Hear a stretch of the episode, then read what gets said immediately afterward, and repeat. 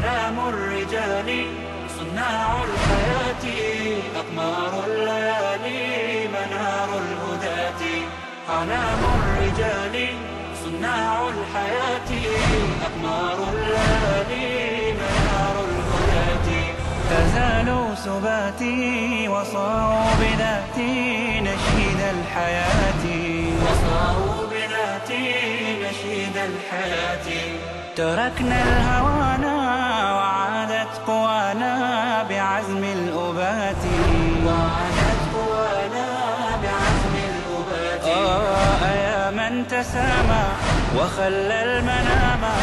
جرى العمر يمضي ورا من سراما جرى العمر يمضي ورا إن الحمد لله نحمده ونستعينه ونستغفره ونعوذ بالله من شرور أنفسنا ومن سيئات أعمالنا. من يهد الله فلا مضل له ومن يضلل فلا هادي له. أشهد أن لا إله إلا الله وأشهد أن محمدا عبده ورسوله. وقال ربنا في كتابه الكريم بعد أعوذ بالله من الشيطان الرجيم. يا أيها الذين آمنوا اتقوا الله حق تقاته ولا تموتن إلا وأنتم مسلمون. Zahvala pripada Allahu subhanahu wa ta'ala koga naš gospodar uputi na pravi put zaista je upućen a koga ostavi u zabludi neće mu naći nikoga ko će ga na pravi put uputiti. Svjedočim da nema drugog istinskog Boga osim Allaha te bareke ve ta'ala i da je Muhammed alaihi salatu wasalam posljednji lao poslanik poslan sa istinom. Naš gospodar je kazao u svojoj plemenitoj knjizi Ovi koji vjerujete, bojte se Allaha istinskom bogobojaznošću i ne umirite nikako drugačiji osim kao muslimani.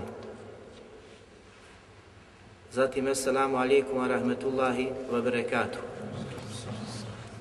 Zahvaljujemo gospodaru što nas je ponovo sakupio i okupio na ovom bareć mjestu da nastavimo govoriti o njegovim velikim, veličanstvenim imenima.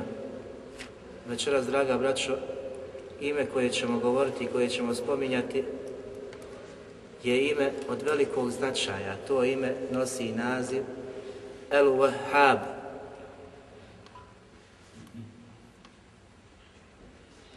koji ima značenje u našem jeziku onaj koji mnogo daruje. U arapskom jeziku se koristi ovaj izraz za čovjeka tako da se opisuje čovjek ovom, ovom osobinom, ovim svojstvom, pa se kaže da je čovjek vahib, onaj koji nešto da.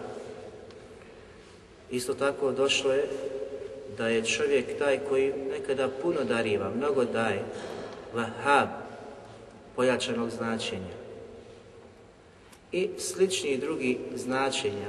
U većini slučajeva se znači, spominje kada neko nekom daje hediju, poklon, pa se spominje da je znači, darovao ili dao taj dotični poklon osobi.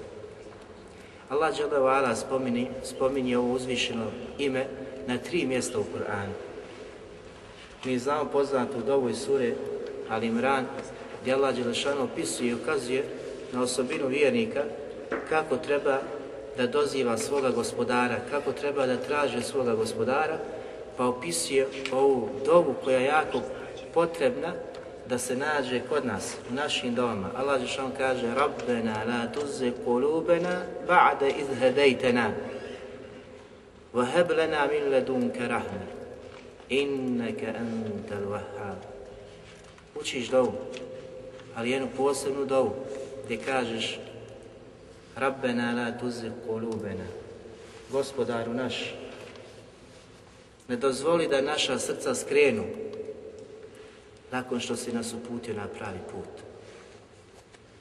Zaista jaka dova i koja je potrebna da se uči nakon upute, jer je Allah Đelešanu taj koji upute naša srca i ne dozvoli da naša srca skrenu sa pravoga puta nakon što si nas uputio. Podari nam o sebe neizmjernu milost i blagodat. Inneke antal wahhab, zaista si ti onaj koji mnogo daruje. Pogledajte završetak kuranskog ajeta i mi smo kazali da sva imena obuhvataju sadrže jedan edeb način dozivanja Allaha subhanahu wa ta'ala. Fadu'uhu biha završetak ajeta šalim kaže Valillahi ul husna zaista Allah posjeduje najljepša imena i vi ga dozivajte njima. Ovo dozivanje Allaha te barek treba da bude sa jednim edebom, znanjem kako ga dozivati, kako od njega, kako od njega tražiti. I u ovoj dovi kada tražimo uputu, da Allah te bare koje ne, ne skrije naša srca sa pravoga puta i kada tražiš doviš za milost, na kraju tražiš od koga? Od onoga koji dariva. Završava svoju dovu Al-Wahhab. Opisuješ gospodara da je on takav kako se sam sebe opisao u Kur'anu ili sunetu poslanika sa sebe.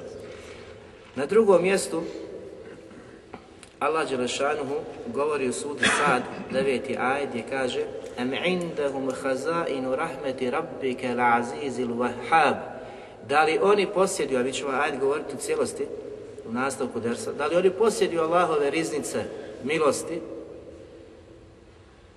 oni ne posjeduju, znači Allah negira s ovim pitanjem, pa na kraju završava da je on el aziz il wahhab, da je on koji je moćni, silni, el wahhab koji daruje, znači te riznice koje on posjeduje, iz njih može darovati i davati samo onaj koji posjeduje, a on je el wahhab, istinski gospodar i vlasnik tih riznica koji daruje kome hoće, koliko hoće, kada hoće i u tome ga niko ne može, niko ne može spriječiti.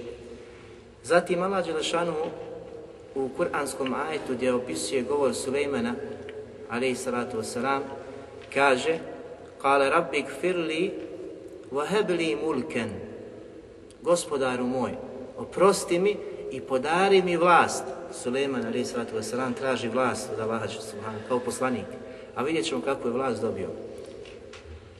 Podari mi, kaže, vlast la jambali li ahadi min ba'di vlast koju neće niko sličnu dobiti nakon mene. Posebnu vlast, veliku vlast, koju niješ nikom drugom darovati.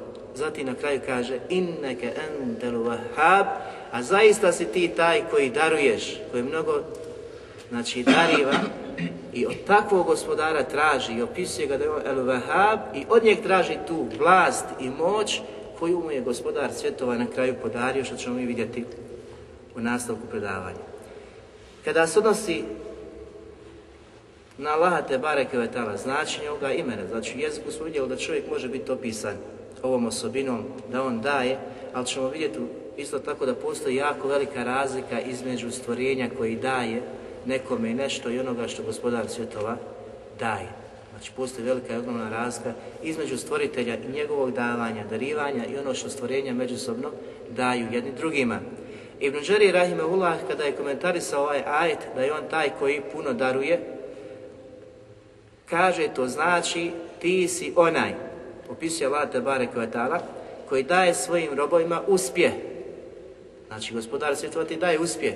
Zatim kaže ti činiš postojanim u svojoj vjeri oni koji potvrđuju i svjedoče tvoju istinu koji su prihvatili Allaha kao gospodara i poslanika sallallahu alejhi ve sellem Muhameda kao poslanika, znači ti si taj koji ni činiš postojanjem e, čvrsti na tom putu, ti si taj koji daješ, daruješ istikamu, ustrajnost na pravom, na pravom putu. Zatim kaže, on je taj koji onome kome želi od svojih stvorenja daje, daje mu ili dariva moć, vlast i poslanstvo moć, vlast i poslanstvo. Nakon toga, El-Hatabi rahimahullah isto tako pojašnjava, a pogledajte kako on pojasnio značenje El-Wahab. Kaže, on je taj koji daje i daruje bez traženja naknade. Danas mi kad jednim, nekim, jednim drugima damo nešto, očekujemo nešto će biti uzvraćeno. Ako ništa mu kažeš hvala ti. Očekujemo. Allah šan traži to bez naknade. Odnosno daje, daje bez naknade. Zatim, El Huleymi Rahimahullah je kazao, El Wahhab je onaj koji neizmjerno neizmjerno daje i to ne iz razloga što neko to zaslužuje. Zapitaj se kolike blagodati imaš pri sebi, koji ti je Allah dao, kojima to obasipa danonoćno. Koliko si ti te blagodati zaslužio svojim postupcima, svojim djelima. Nema ga da je neko zaslužio ove blagodati. Ali Allah Đelešanu je takav da ih daje iako ih nismo zaslužili. I zato ćemo na kraju spomenuti jednu veselu, a to je zašto nevjernici uživaju u mnoštvu blagodati, upravljaju svijetom, imaju rahatluk, raskoš, dunjaluk, sve im je dato. A oni nisu ti koji su Allah Tebare Kvetala priznali kao gospodara, ne zahvaljuju, ne traže od njega, ne dove, nego jednostavno sve to pripisuju nekome druge mimo, mimo Allah Tebare Kvetala. Kako? Zašto? To ćemo na kraju kogoda pojasniti.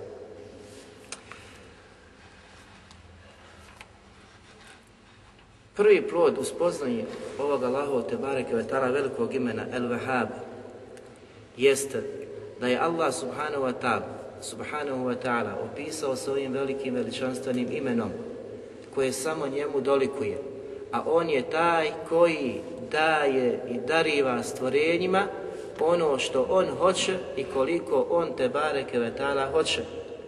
U tome niko ne učestvuje u toj odluci. Niti neko može spriječiti ono što je gospodar svjetova odredio. Što nam je znači dao, što nam je podario. Niko u tome ne može znači učestvovati, niti neko može spriječiti ono što gospodar svjetova je odlučio da dadne nekom. Zato mi ne trebamo jednim drugima da zavidimo, jel? Sada shvatamo zašto je zabranje hasad. Jer Allah je daje kome hoće koliko hoće. Neko ima, neko nema, neko ima više, neko ima manje, neko ima dobro auto, neko ima slabiji auto.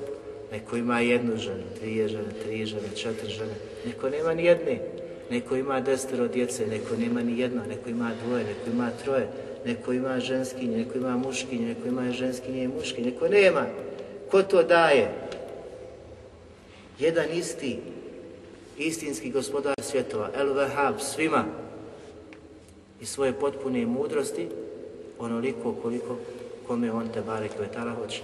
I zato je jako bitno da ovaj plod spozna i uđe u srce čovjeka kako ne bi zapao u taj hased i zavist, ljubomoru prema drugima, jer onaj koji daje i dariva gospodar svjetova, i naš, i vaš, i njihov, i isti taj koji svima određuje koliko će ko imati. Allah subhanahu wa ta'ala opisuje da je on taj koji daje ljudima, ne samo što u nekom dotičnom trenutku tražiš, nego sve što tražiš a Bibliji, kada se sjetiš, povratiš malo, koliko ti doviš i koliko dova imaš koje su putio gospodaru sveta ti dadne, a on ti sve to podario. Allah Žešano opisuje i kazuje وَأَتَاكُ مِنْ كُلِّ مَا سَأَلْتُمُوهُ I on vam daje sve ono što ste iskali i tražili od njega. Allah subhanahu wa ta'ala. Zatim kaže nakon toga وَإِن تَعُدُّوا نِعْمَةَ اللَّهِ لَا تُحْسُوهَا A kada biste pokušali blagodati prebrojati koje su vam date, nikada ne bi bili u stanju da prebrojite te blagodati. Pokušaj, samo da se sjetiš koliko blagodati imaš, koliko blagodati posjeduješ. Da li si u stanju da prebrojiš te blagodati? Nemoj to jednom riječ kazati život, nego piši taj život šta sadrži, šta nosi od osobina, pa ćeš vidjeti koliko ima stvari na kojima treba čovjek zahvaljivati gospodaru svjetova. Innal insane zalumun kafar. Na kraju Allah šal kada je to ukazao da on sve što tražite daje, blagodati niste u stanju prebrojati koje vam je dao, na kraju kaže kakav je čovjek. Da je nezafalan i nasilan, ne samo da je nezavan, nego da je nasilan. Da je to njegova karakteristika koja ga krasi na dunjalu. Da ne zahvaljuje Allahu te bareke vetala. Iako Allah ukazuje, ukazuje da je on taj koji daje te blagodati, koji nas je počastio svim ovim blagodatima i sve što tražimo od njega i daje i ne prestaje davati, to je njegova osobina koja ne prestaje. On uvijek daje, ali smo mi ti koji smo nezahvalni na tim blagodatima. vrlo malo nas zahvaljuje i čini onaj pravi šukr Allahu te barek ve ta'ala. Zatim gospodar svjetova kaže Ja ejuhan nasu zkuru ni'mata Allahi. O ljudi, sjetite se blagodati prema vama koje vam Allah te barek ve ta'ala daje. Zatim kaže Hel min halikin gajru Allahi jerzukukum minas samai wal ard. Da li postoji neki drugi stvoritelj koji vam obskrbu može dati iz nebesa i iz zemlje, pored njega. La ilaha illahu, ne postoji i nema božanstva istinskog osim njega, koji je zaslužno se obožava, tu fekun, a kuda se vi nakon svega toga odmećete i okrećete. Allah Đelešan traži da se sjetimo tih svih blagodati koje nam on Tebare Kvetala daje, i on ukazuje da je on taj istinski gospodar, stvoritelj, koji stvara i daje obskrbu iz nebesa i iz zemlje i da ne postoji pored njega drugi stvoritelj koji omogućuje se nešto poput toga da dadne. I na kraju, pa kuda se onda odmešate? Razmislite, promislite, nemojte biti znači od onih koji su nezahvalni i koji to sve negiraju što im gospodar svjetova daje. Zatim gospodar svjetova kaže Lillahi mulku samavati wal ard zaista Allahu pripada vlast nebesa i zemlje. Pogledajte kako će posle toga komentarisati Ibn Kesirova ajet. Jahluku ma ješa. On stvara što on te bare kvetala hoće. Ne učestvuje u tome niko. Niko ne donosi druge odluke. O znači što odredi to, to stvar, I o tome smo govorili. Zatim kaže, jehebu lime ješa u inasa. On je taj koji poklanja, koji daruje i dariva kome hoće žensku djecu. Allah te bareka tada, niko drugi. Niti priroda, niti ono što je tek, tek tako došlo. Nego ono što si dobio od djeci, ah i to je poklon gospodara svjetova. Zahvaljuj na tome. Zatim nakon toga kaže, vajehebu lime ješa u dhukur i on je taj koji daje kome hoće mušku djecu, daruje. On ne samo da je daje, nego dariva, kao poklon daje mušku i žensku djecu. Zatim nakon toga kaže Evo ju zauviđuhom zukurem wa inasa ili im daje i mušku i žensku djecu, daruje i mušku i žensku nekome. Znači nekom ovdje prva kategorija. Nekome daje mušku, nekome daje žensku, a nekoga počasti i sa muškom i sa ženskom djecom. Zatim spominje četvrtu kategoriju, kako kaže Ibn Kesir, da ovdje Allah spominje četiri kategorije ljudi. Zatim kaže وَيَجْعَلُ مَنْ يَشَاءُ عَقِيمًا I on je taj koji čini koga hoće od robova svojih bez djece, bez poroda. Gospodar se to, znači svoje mudrosti daje i čini koga hoće, znači počasti do ovih kategorija. I kaže innehu alimum kadir, a zaista je on sveznajući i svemogući. Sveznajući zna, kako kaže Ibn Kesir, zna kome šta pripada, ko je potreban čega, kome će dati nešto od toga. Kadir, svemoćan, da svima da. S druge strane, svemoćan da uskrati svima.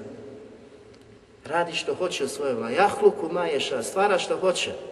Ne pita nikog da li ću, da li neću. Ono što on te bare tala odredi, to biva. Znači poklanja kome hoće mušku, kome hoće žensku, kome hoće dadne i mušku i žensku, a koga hoće ostavi i bez djece. I vidjet ćemo znači da kome je Allah te bare kvetala podario samo žensku djecu od poslanika. Koji je to poslanik? Lut alaih salam. Znači osoba kome je Allah podario žensku djecu. Treba biti zahvalan gospodaru svjetova. Jer su prije njega i vjerovjesnici počašćeni. Jedni znači od vjerovjesnika da imaju samo žensku djecu. Imamo vjerovjesnike kojima Allah te barek tada počastio i samo muškom djecom. Poput poslanika Ibrahima alaih salam. Imamo od vjerovjesnika koga je Allah te tada počastio i sa muškom i ženskom djecom poput našeg poslanika Muhameda ali salatu. Ali imamo, braćo draga, vjerovjesnike kojima Allah te bare kvetala je skratio. Niti im je dao žensku, niti mušku djecu. Poput Isa i Jahije, ali. Znači čovjek kada vidi svoje stanje, prisjeti se poslanika, najodabraniji Allahovi robova, koji su imali ili mušku ili žensku, ili mušku i žensku, a imalo i oni koji nisu imali nikako djece. Onda kaže, alhamdulillah, kuli hal, što sam ja bolji i draži Allah od ovih vjerovjesnika. koji su uskraćeni od toga. I nađi utjehu u tome. Zatim razmisli o Allahovom kadru, njegovom određenju, njegove mudrosti, svrhi svega toga. Vi znate i one priče koje su ispričane između Musa i, i kada je putovao, pa kad su naišli na, na dijete, jel, pa ga ubili. Zbog čega su ga ubili? Da je ostao u životu, šta bi učinio?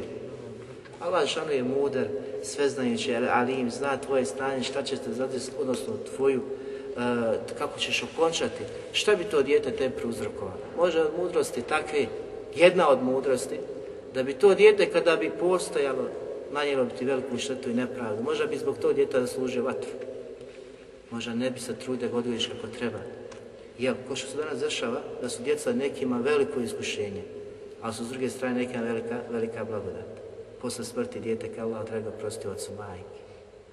Zaista se trudili, pa ta dova čini čuda nakon smrti.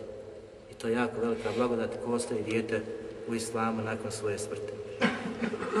Zatim Allah te barek ukazuje da je on El Wahab, taj koji posjeduje i koji daje i dariva ljudima ono što on te bare kvetala hoće. I sve što mi imamo, sve što posjedujemo, to je njegovo. Jer smo mi robovi gospodara svjetova. Sve što mi, znači, posjedimo, to je sve naše gospodara. Jel? Jela navodi taj jedan primjer u Kur'an da čovjek promisli i razmisli. A mi smo govorili od imena Malik, Melik, Melik, da je ono što mi posjedujemo sve od Allahovog posjeda, jer on to nama dao sve blagodati koje uživamo, sve što posjedujemo od riska, sve od gospodara svjetova. Allah Đelešan navodi takav primjer. Pa kaže, Darebe Allahu meselen abden memluken la jakadiru ala šej. Allah Đelešan navodi, kaže, primjer roba koji je u nečijem vlasništvu, koji ne posjeduje ništa. Uzmite one robove. Šta je taj rob imao? Ništa. Živio od onoga što mu dadne njegov vlasnik doručak, ručak, večer. Ako mu uskrati, nema, ne posjeduje. A mi sad shvatamo i shvaćamo da smo mi robovi gospodara svjetova, što u biti znači da ne posjedujemo ništa. Ali u nastavku kajta Allah kaže, nastavlja da opisuje drugo stvorenje, drugog insana kojem je dao, dao nešto od toga. وَمَنْ رَزَقْنَاهُ مِنَّا رِزْقًا حَسَنًا فَهُوَ يُنْفِقُ مِنْهُ سِرًّا وَجَهْرًا Kaže osobe druge koje Allah podario nešto od imetka, učinio ga imućin od dunjalku, pa on taj imetak udjeljuje javno i tajno, krijući, znači i prikazujući se pred svijetom kako udjeljuje. Hel jeste on. Da li su te dvije kategorije iste? Onaj koji posjeduje i koji ne posjeduje, a ovaj drugi koji posjeduje opet radi Allah te barek ve udjeljuje Elhamdulillah bel la ja'lemun i hvala gospodaru svjetova, ali većina ljudi to ne svača, ne razumije i ne zna. Ovdje Allah Tebare koje tada ukazuje znači činjenicu, primjer da jednog groba koji je u vlasništvu nekoga i taj ne posjeduje, znači ništa dunjalu kada bi udijelio. A mi kada shvatimo stvarnu činjenicu našeg postojanja, da smo mi zaista robovi našeg gospodara, onda u biti ništa ne posjeduje, osim što nam on poput ovog groba, jel ima nešto da jede, dorča, da doručkuje ruča večera, ima neki odjeće da se pokrije, posteljin gdje će spavati slično. Mi smo znači potrebni gospodara svjetova, mi smo njegovi istinski robovi, zavisni, znači ovisimo od njega, od gospodara Allaha subhanahu wa ta'ala. Zatim sljedeći plod. Koja je razlika između ovih Allahovi te barek blagodati koje daje i dariva stvorenjima i ono što čovjek može da daruje svom prijatelju, komši, bratu, jel majki, majci, ocu i slično. Imam Hatabi Rahimahullah kaže, svaki onaj koji nešto daje i koji nešto dariva, u arapskom jeziku je opisan kao vahab ili vahib. Onaj koji poklanja, koji daruje, jer postoji, ima mogućnost. Ja kad imam nešto mogu da dajem kome hoću. I tako u arapskom jeziku opisan. Međutim, kaže, da li smo mi u sličnom stanju da možemo darovati poput našeg gospodara svjetova. Jer kaže, gospodar svjetova daruje danonoćno.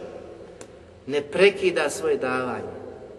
Dok insan samo u određenim trenucima daje. Nisu svakoj prilici u mogućnosti da dadneš nekom nešto. S druge strane, gospodar sveta daruje ono što mi nismo u stanju darovati. Kada je čovjek bolestan, ko je kome u stanju podariti zdravlje? Ti sam bi bolestan, ja kad to vidim, ja nisam u stanju da ti kažem ustani. Da ti povratim zdravlje, stanje, kako se bio.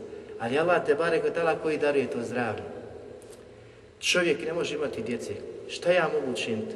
Ne mogu mu ja podariti to. Jer je gospodar svjetova taj koji to daruje. Znači, postoje mnoge stvari koje niko ne može darovati osim gospodar svjetova, poput života, smrti, uzimanja, znači. To je samo njegovo. I njegovo je to pravo. Zato kad čovjek razmisli i promisli, postoji velika, velika razlika između onoga što gospodar svjetova daruje i daje i ono što mi možemo dati nekome, dati nekome na poklon. Zatim gospodar svjetova je taj koji ne prestaje davati. Dok ti neka si bogat, neka si zaradi dnevnicu, dvije platu od te plate je sve izračuno šta što radi i koliko ti ostalo daš nekome. Ali Allah te barek je tala, danonoćno, u toku dana, u toku noći, sve što tražimo, sve gospodar svjetova daje. Ima li ko da je ustao za, u trećini noći, poslanik sa samo pisuje, da zatraži nešto da mu dadne. Jel? Znači, Allah poziva i doziva svakog ona koji ima potrebu, hađu, da ustane, da zamoli gospodara svjetova da bi mu on se odazvao i dao ono što traži i što išće. Zatim sljedeća, ili sljedeći plod, da je poslanstvo koje Allah Tebare Kvetala daje i knjigu koju šalje preko poslanika, Allahov dar, on odabira kome će to poslanstvo dati, kome će tu knjigu emanet podariti da je on dostavi čovječanstvu ili narodima ili svim, svim svjetovima. Allah subhanahu wa ta'ala opisuje pa kaže, a pogledajte, ovo je dokaz Kesiru za ovo što smo naveli. Ajet, Allah što kaže, قُلِ اللَّهُمَ مَالِكَ الْمُلْكِ تُؤْتِ الْمُلْكَ مَنْ تَشَاءُ Reci, o ti koji posjediš apsolutnu vlast i moć, ti daruješ kome hoćeš tu vlast. Allah te barek tala, jer on znači posjeduje su tu apsolutnu vlast i moć i od te moći daje kome hoće onoliko koliko on te barek tala hoće. وَتَنْزِيُ الْمُلْكَ مِمَّنْ تَشَا I ti oduzimaš vlast od koga ti hoćeš vlast, smo mi detaljno pojasnili. وَتُعِزُّ مَنْ تَشَا وَتُذِلُّ مَنْ تَشَا I ti osnažuješ, ojačavaš koga hoćeš od robova, a unizuješ, ponizuješ one koga ti hoćeš od svojih robova bijedike l'hajr, u tvojoj ruci pripada svako dobro, inneka ala kulli še'in kadir, a zaista si ti svemoćan. Zaista si ti svemoćan. Ovdje Ibn Kesir navodi, kaže da Allah te bareke ve ta'ala ukazuje na jednu veliku blagodat prema čovječanstvu, a to je da je poslanstvo koje je dato bilo narod Izraelčanima, jel, da su poslanici dolazili od njih, a Allah Žešan je uzeo to što im je darovao te vlasti i moći kao poslanstvo što je podario i premjestio kome? Dao je Arapima. Od Arapa probrao koga? Kurejšije, od Kurejšije Muhammeda, Muhammeda ali salatu wasalam. Podario poslaniku Muhammedu sallallahu alihi wasalam. Oduzima vlast od koga on hoće i daje kome hoće. Krstitelj zaključuje, pogledajte, znači to poslanstvo koje je uzeto od njih i zatim je premjestio gospodar svjetova je podario Muhammedu, Muhammedu sallallahu, sallallahu alihi wasallam. Zato je, kaže, najveći dar gospodara svjetova nama što je poslao poslanika Muhameda sallallahu alihi wasallam. To je najveći dar čovječanstvu. Zbog čega? Zato što je poslanik opisan u Kur'anu da izvodi ljude Allahovom voljom, njegovom dozvolom iz zablude, iz tmina, min zulumati ila nur, iz velikih, dubokih tmina kufra, nevjerstva ili nur na svjetlo, a ovdje, kako kažu učinjaci, kada se spominje zulumat i nur, istmina kufra na svjetlo tevhida, ispravnog vjerovanja u Allaha te bareke, te bareke vatala.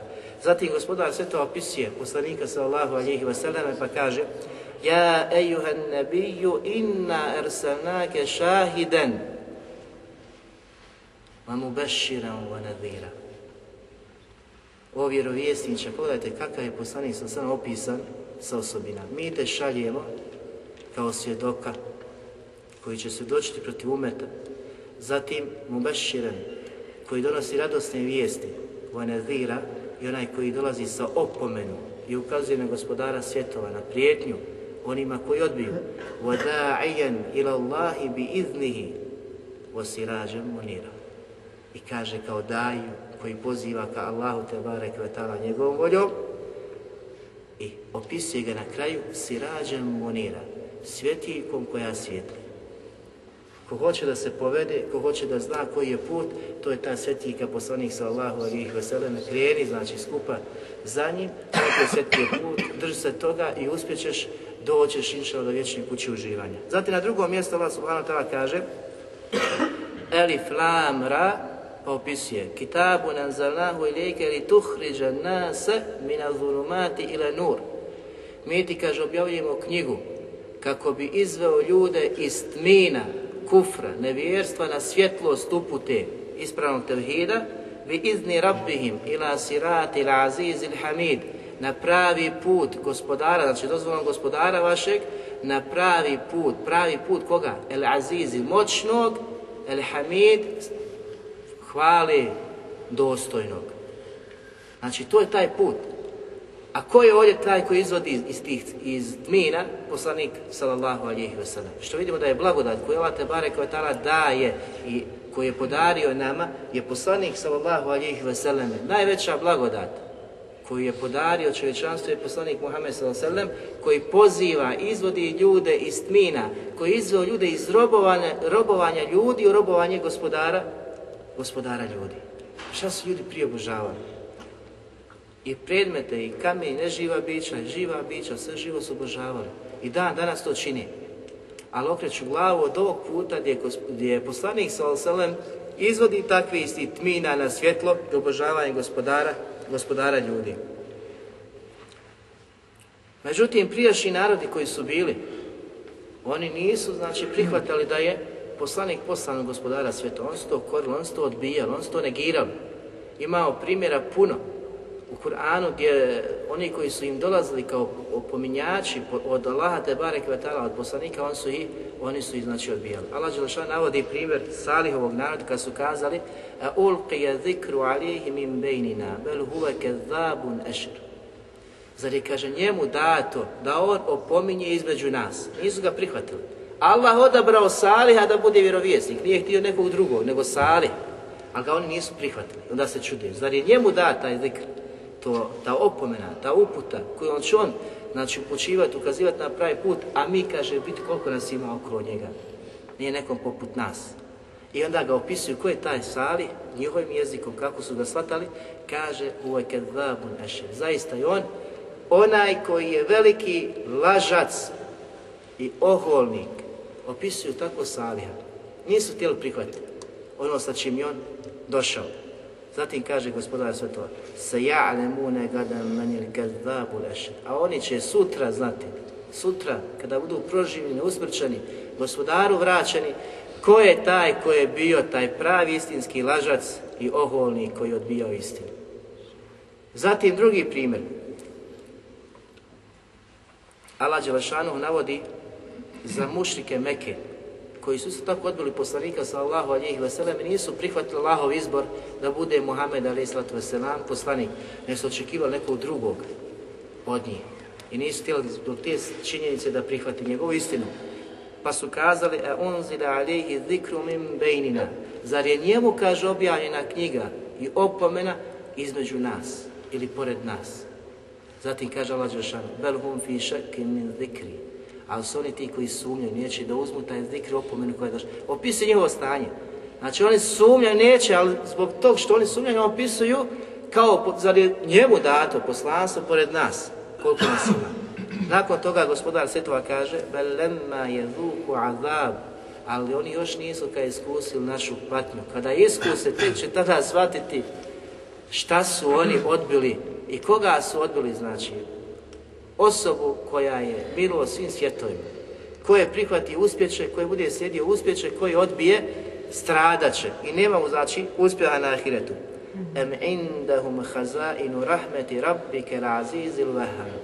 Da li oni posjeduju riznice tvoga gospodara, tvoga gospodara, koje gospodara?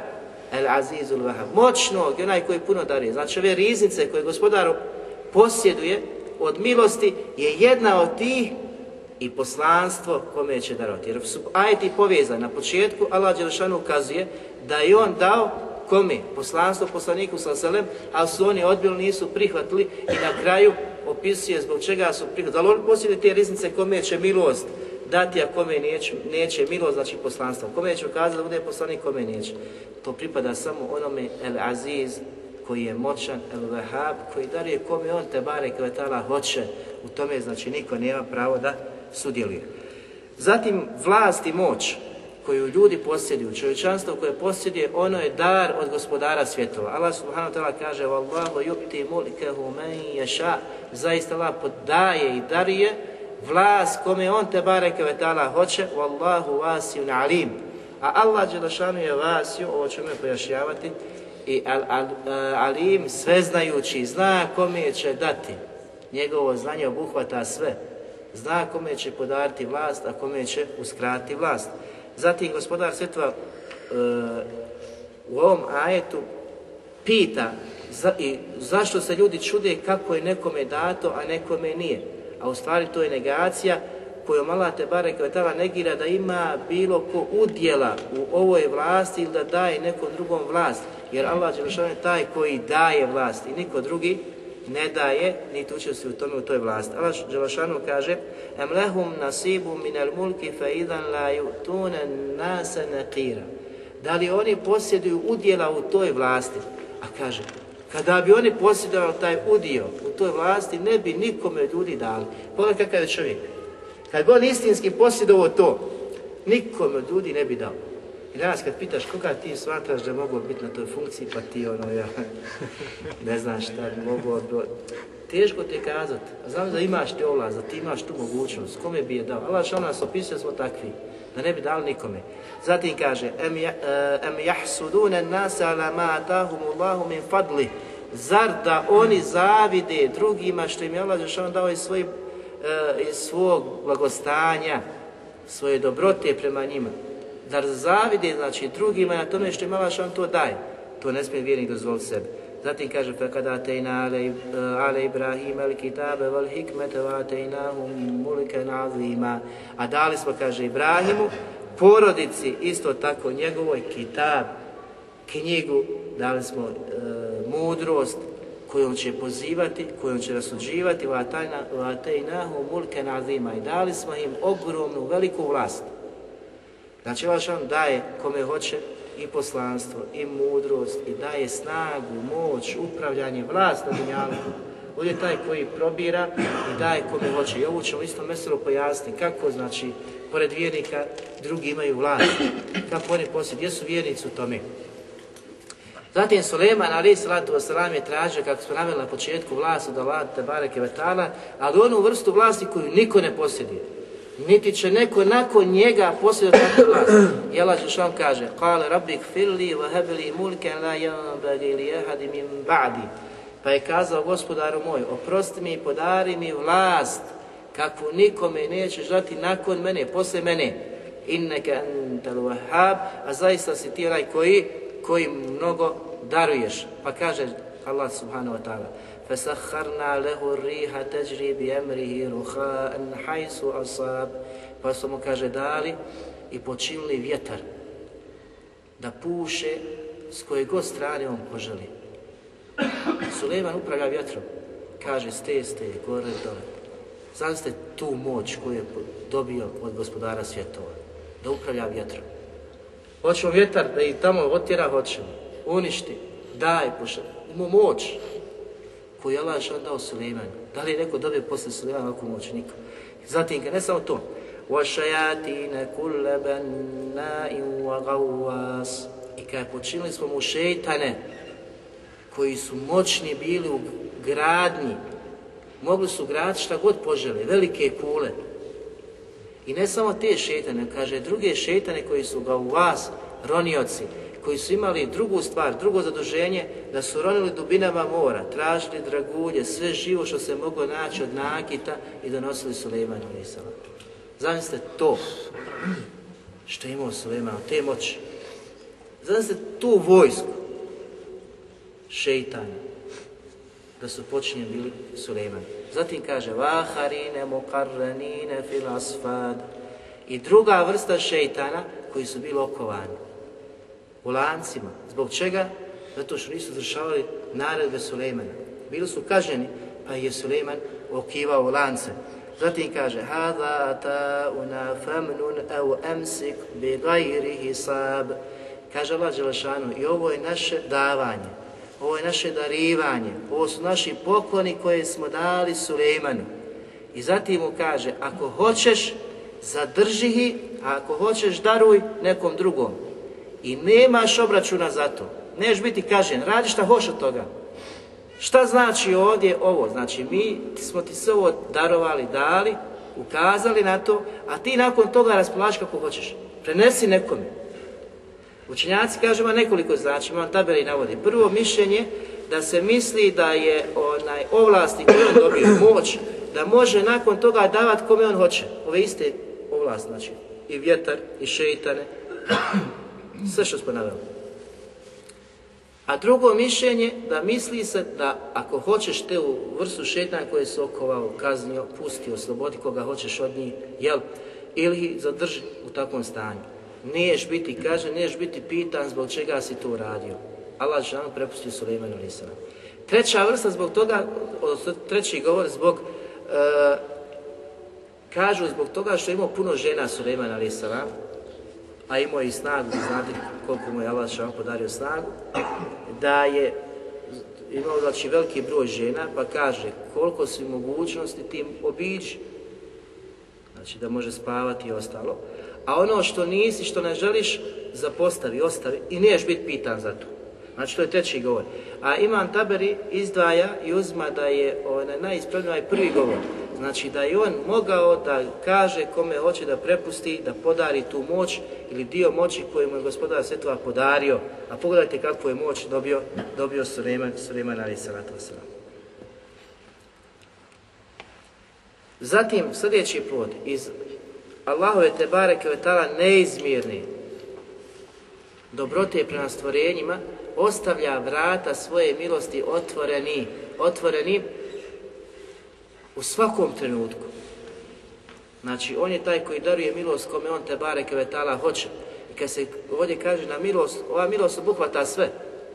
O svi stvari koje uživaš, e, blagodati, ova milost obuhvata. Ne samo, znači, milost ili blagodat uputi, nego sve što posjeduješ, sve je to od gospodara svjetova. I ono što ti on dadne, niko ne može uskratiti, niko ne može spriječiti. A ono što ti on uskrati, što ti ne odredi, nema ti čovjeka i nema insana, nema sile, nema moći na dunjalku koja ti može to podariti ako ti Allah te barek vetala uskratio.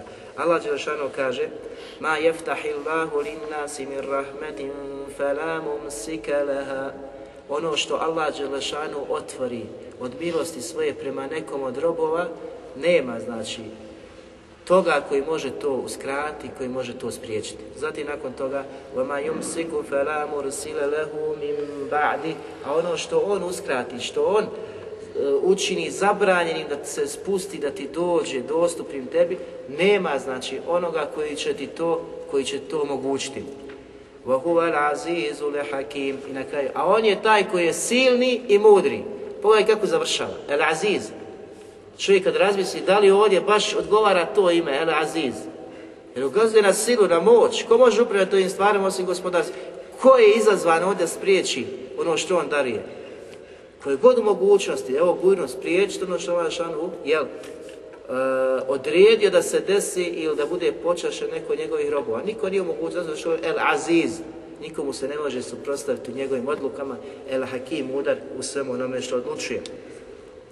I zato čovjek kada spozna ovo ime, onda je i svjestan, onda je i svjestan Allahovog te barek vetala govora Rabbena la tuzik kulubena ba'de iz hedejtena wa heblena min ledunke rahme inneke entel wahhab. Gospodaru naš, ne dozvoli da naša srca zalutaju nakon što su upućena. I tražiš od koga? Od Allaha te bareke vetala koji je el i rahmet i milost i sve ono što ta milost obuhvata od blagostanja i blagodati, da ti Allah te bareke ve podari jer je on el vahab istinski taj koji daruje. Zatim gospodar svetova ukazuje da je on taj koji nam daje i ukazuje i obaspa nas sa milošću svojom i danju i noću. I da nam je mnoge stvari na dunjalku počinio. Sve što je na dunjalku i što je na nebesima dao da se mi koristimo time. Allah šanu kaže Alam tarav anna Allaha sahara lakum ma fis samavati wa ma fil وأسبغ عليكم نعمه ظاهرة وباطنة ومن الناس من يجادل في الله بغير علم ولا هدى ولا ولا هدى ولا كتاب منير Allah Đelešanu opisuje ovdje, ukazuje čovječanstvu da je on počinio sve što je na nebesima i na zemlji da se ljudi koriste tim. I kaže da vas obasipa svojom milošću i danju i noću. U svakom trenutku mi smo, znači, okrivi Allahove te bare kvetala milosti. I onda na kraju kaže, pa opet postoje ljudi, ili ima onih od ljudi koji se raspravljaju o Allahu, bez da imaju znanje o tome. Nemaju znanja, nemaju upute, nemaju hudeno oko toga, niti imaju neku knjigu koja je vodi, znači, u tom raspravljanju. I zato žahil je jako opasan, po pitanju kada sebi dozvoli i dopusti da raspravlja Allahu te bare kvetala bez znanja, bez upute, bez svjetiljke, bez znači dokaza o Allahu te bare kvetala. Allah Đelešanu ukazuje na ove velike blagodati koje daruje svojim stvorenjima. Zatim šesta blagodat da Allah Đelešanu daruje i da je njegov dar potomstvo ljudima. Zbog čega sad ovdje navodimo kad smo na početku naveli? Ovdje ćemo navesti da je Allah te barek podario vjerovjesnicima koji su već bili u, u, starosti, a nisu prije toga imali, imali djece. Znači čovjek nikad ne treba da gubi nadu ako je iskušan i nema dijete. Da gubi nadu da će Allah te barek to nekada podariti treba biti ubježen, treba biti ustran, treba dobiti poput znači vjerovjesnika. Ibrahim alaihi salatu wasalam je kazao Alhamdulillahi alladhi wahaba li ala al-kibari Ismaila wa Ishaq Inna rabbi lasami'u du'a Zahvaljujem, hvala Allahu gospodaru svjetova koji mi je podario u starosti koga? Ismaila i Ishaq a onda ukazuje na nešto što je on činio, što je radio, pa je skonto da mu se on, te bareke vetala, odazvao. Završava, inna rabbi lesemi od dua, zaista moj gospodar je taj koji čuje i odaziva se na dovu, na vapaj.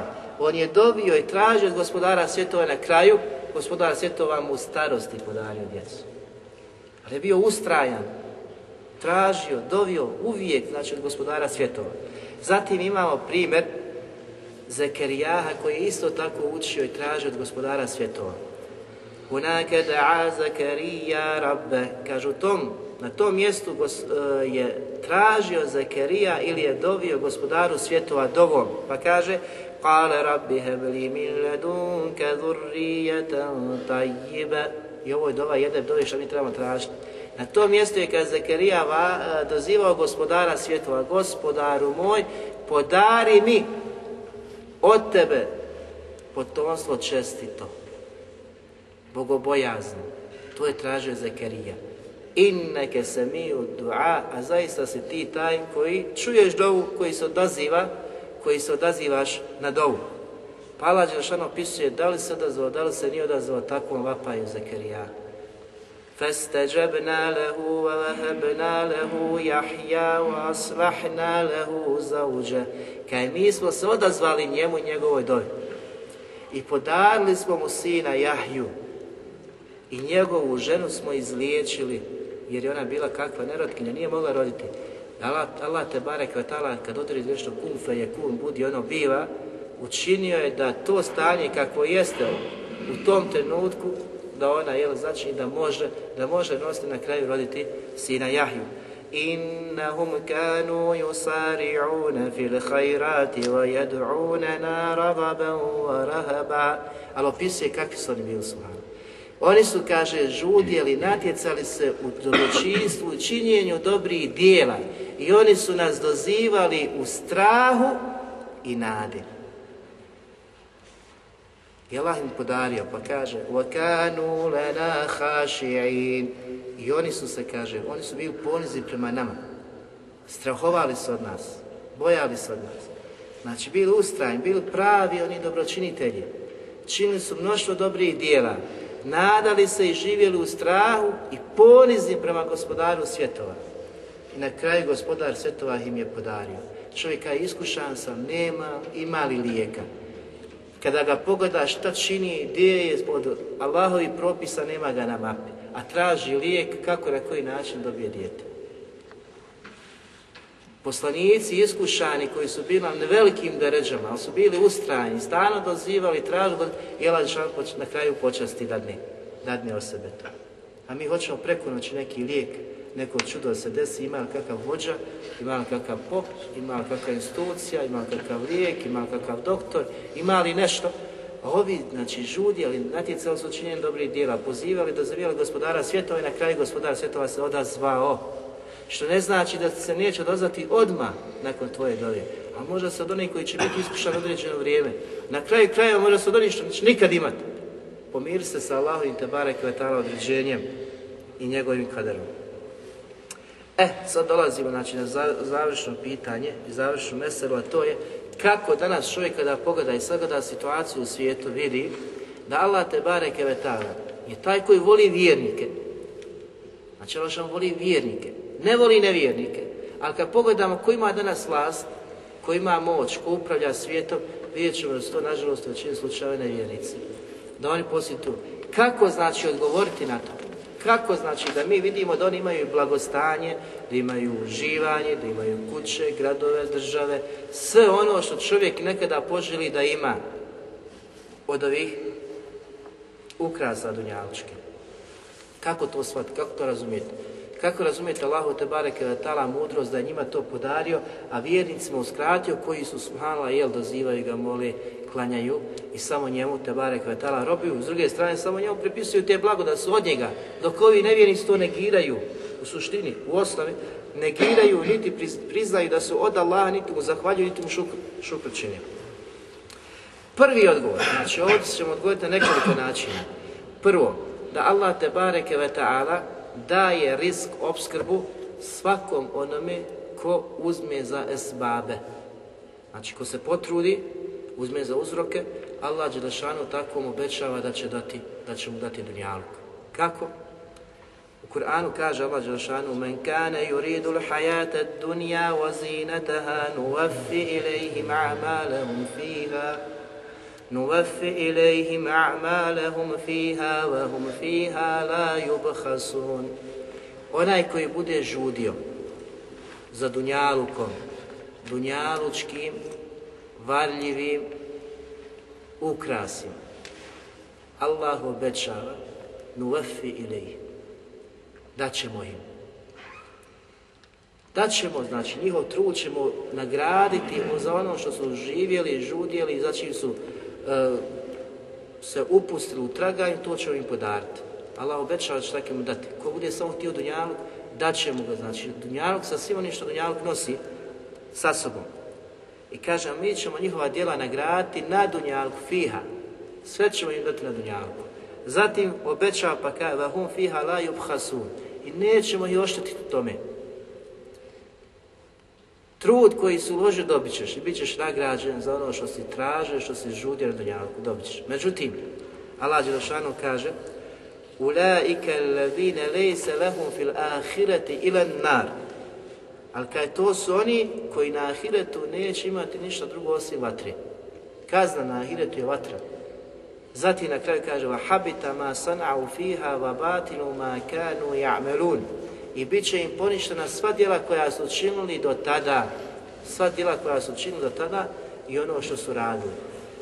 Ovdje mesela, ako ste čitali Kitabu Tevhid i slušali Kitabu Tevhid, vidjet ćete da su djela onima kojima su poništena djela, oni koji rade djela na Dunjalku iz rije, iz pretvaranja i nisu imali cilj ahireta. Znači, opasno, možeš biti iskren, ali imaš cilja hireta, nagrade, ono što očekuje vjernike tamo, takvima će djela biti, znači, upropašena i poništena. Ali ovdje, znači, ovo što mi dokazujemo, dokaz da svi oni koji budu žudjeli za Dunjalukom, da se natječu Dunjalku, da zarade i steknu na Dunjalku, Allah će svima njima dati. I obećao da će im dati i neće ništa biti od toga uskraćeno. Sva nagrada za njihov trud će biti na Dunjalku. Što znači, ko bude uzeo za uzroke i požurio ka Dunjalku, da ga stekne i ga dobije, on će ga dobiti. Ova druga skupina o kojoj mi pričamo, zar se nisu znači, uposlili samo Dunjalukom, dostignućima, e, vladanje, moći i kako će gospodariti na Dunjaluku. Dobili su ono što su, što su tražili. S druge strane, kada čovjek shvati hadis poslanika sallallahu alihi wasallam gdje kaže da kod Allaha Đelešanu u Dunjaluk ne vrijedi poput krila mušice, jel?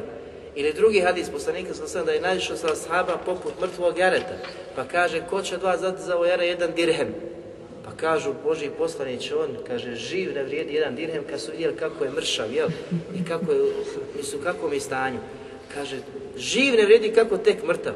Kaže, dunjalu kod Allaha ne vrijedi onoliko koliko vrijedi ovo jare kod vas.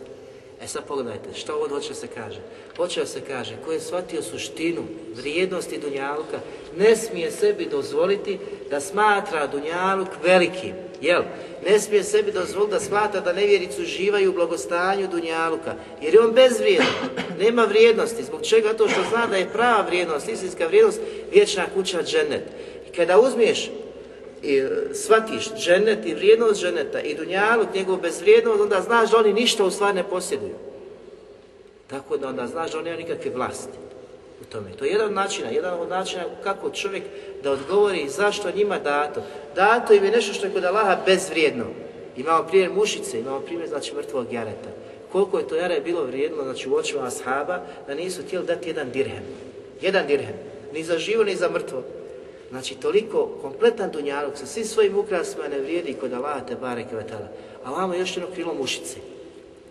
Čovjek to kada shvati, onda znači shvatio je veliku stvar na koju može da onaj, odgovori zašto njima dato to, a muslimanima nije. Drugo, vlast i nadmoć na Dunjalu, kola Đelešanuhu, dijeli u dvije skupine. Znači, nekada vlast i nadmoć daje vjernicima, a nekada daje nevjernicima, drugoj skupini.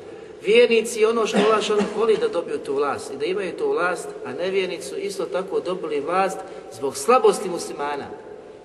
Dobili su vlast. Allah Đelšanu opisuje znači ovu prvu vrstu vlasti gdje kaže da će dati samo vjernicima i daje šartove. Slušajte dobro. Va'ada Allahu alladhina amanu minkum wa amiru salihat. Allah kaže obećava i daje šartove. Kome obećava? Da će im podariti hilafet na dunjalku, upravljanje na dunjalku. Od vas onima koji budu vjerovali i dobra djela činili. Prvo, da bi dobili vlast i upravljanje na dunjalku, hilafet, a vidite onda znači prvu generaciju kako su je dobili. Mora imati iman ko sebe i mora imati dobro djelo. Iman i dobro djelo da bi dobili. Zašto Allah šanka li jestahli fil ardi kama min qablihim da bi im podario upravljanje nad Dunjalukom, hilafet nad Dunjalukom, kao što je dao i onima prije, prije njih. Moraju znači vjerovati i moraju dobra djela činiti. Iman, onaj pravi iman. Pravo znači imana i dobrih, dobrih djela. Nakon toga kaže وَلَيُمَكِّنَنَّ لَهُمْ دِينَهُمُ الَّذِي ارْتَدَى لَهُمْ وَلَيُبَدِّلَنَّهُمْ مِنْ بَعْدِ خَوْفِهِمْ أَمْنًا Zatim će, kaže, njihovu vjeru postojanjom učiniti na Dunjaluku. Oni koji budu radili dobro, odnosno vjerovali radili dobro, podarit će im vlast i vjeru će im uspostaviti onu sa kojom je on, subhanahu wa ta'ala, zadovoljan. To je dinul islam. Znači, vjera, vjera islama. I ne samo to, nego će njihovo stanje i stanje i stanja straha e, prebasti u stanje sigurnosti. Zamijeniti znači stanje straha u stanje sigurnosti. Koliko danas ljudi živi u strahu. Ali Allah šal obećava kome? Onima koji budu vjerovali i dobra djela činili da će im sve to podariti. I na kraju glavni šakt spominje. Pa kaže Ja'budunani la yushrikuna bi shay'a Oni će samo mene obožavati i neće mi širk bilo koje vrste činiti. To je obećao onima koji budu ispunili ovo. Zatim kaže وَمَنْ كَفَرَ بَعْدَ ذَلِكَ فَأُولَٰئِكَ هُمُ الْفَاسِقُونَ A oni koji uznevjeruju posle toga, to su pravi nevjernici. Što znači da Allah te bareke od će podariti vlast vjernicima kada ispune ove šartove. Svako, da kažemo sanjanje, da će doći sutra bolje za nas, a da se ne radi na ovome, je znači zabuda. Da kažeš nas deset ćemo izmijeniti stanje, idemo nešto mi da radimo. Niješ rad ništa. Jer je to pogrešan put i menedž koji nije znači išao poslanik sallallahu alaihi sallam. Ovo je ajet gdje su ga nazvali ajet promjene stanja. Ajet znači temkina, ajet e, ponosa, izreka i vladavine na dunjalu. Koga shvati i koga razmisli. I onda ćeš vidjeti nakon ove spoznaje ovog ajeta i shvatanja ovoga koliko su ljudi u različitim nekim svojim segmentima, shvatanjima vjere i načina kako djelovati, pogrešno shvatili vjeru islamu. Znači ovdje šan traži se odgoji pojedinac, zajednica, džemat, nakon toga dolazi ono za čim svi žudimo. Da se popraviš s vjerske strane, duhovne strane, da se pravi istinski vjernik, da imaš iman ko sebe.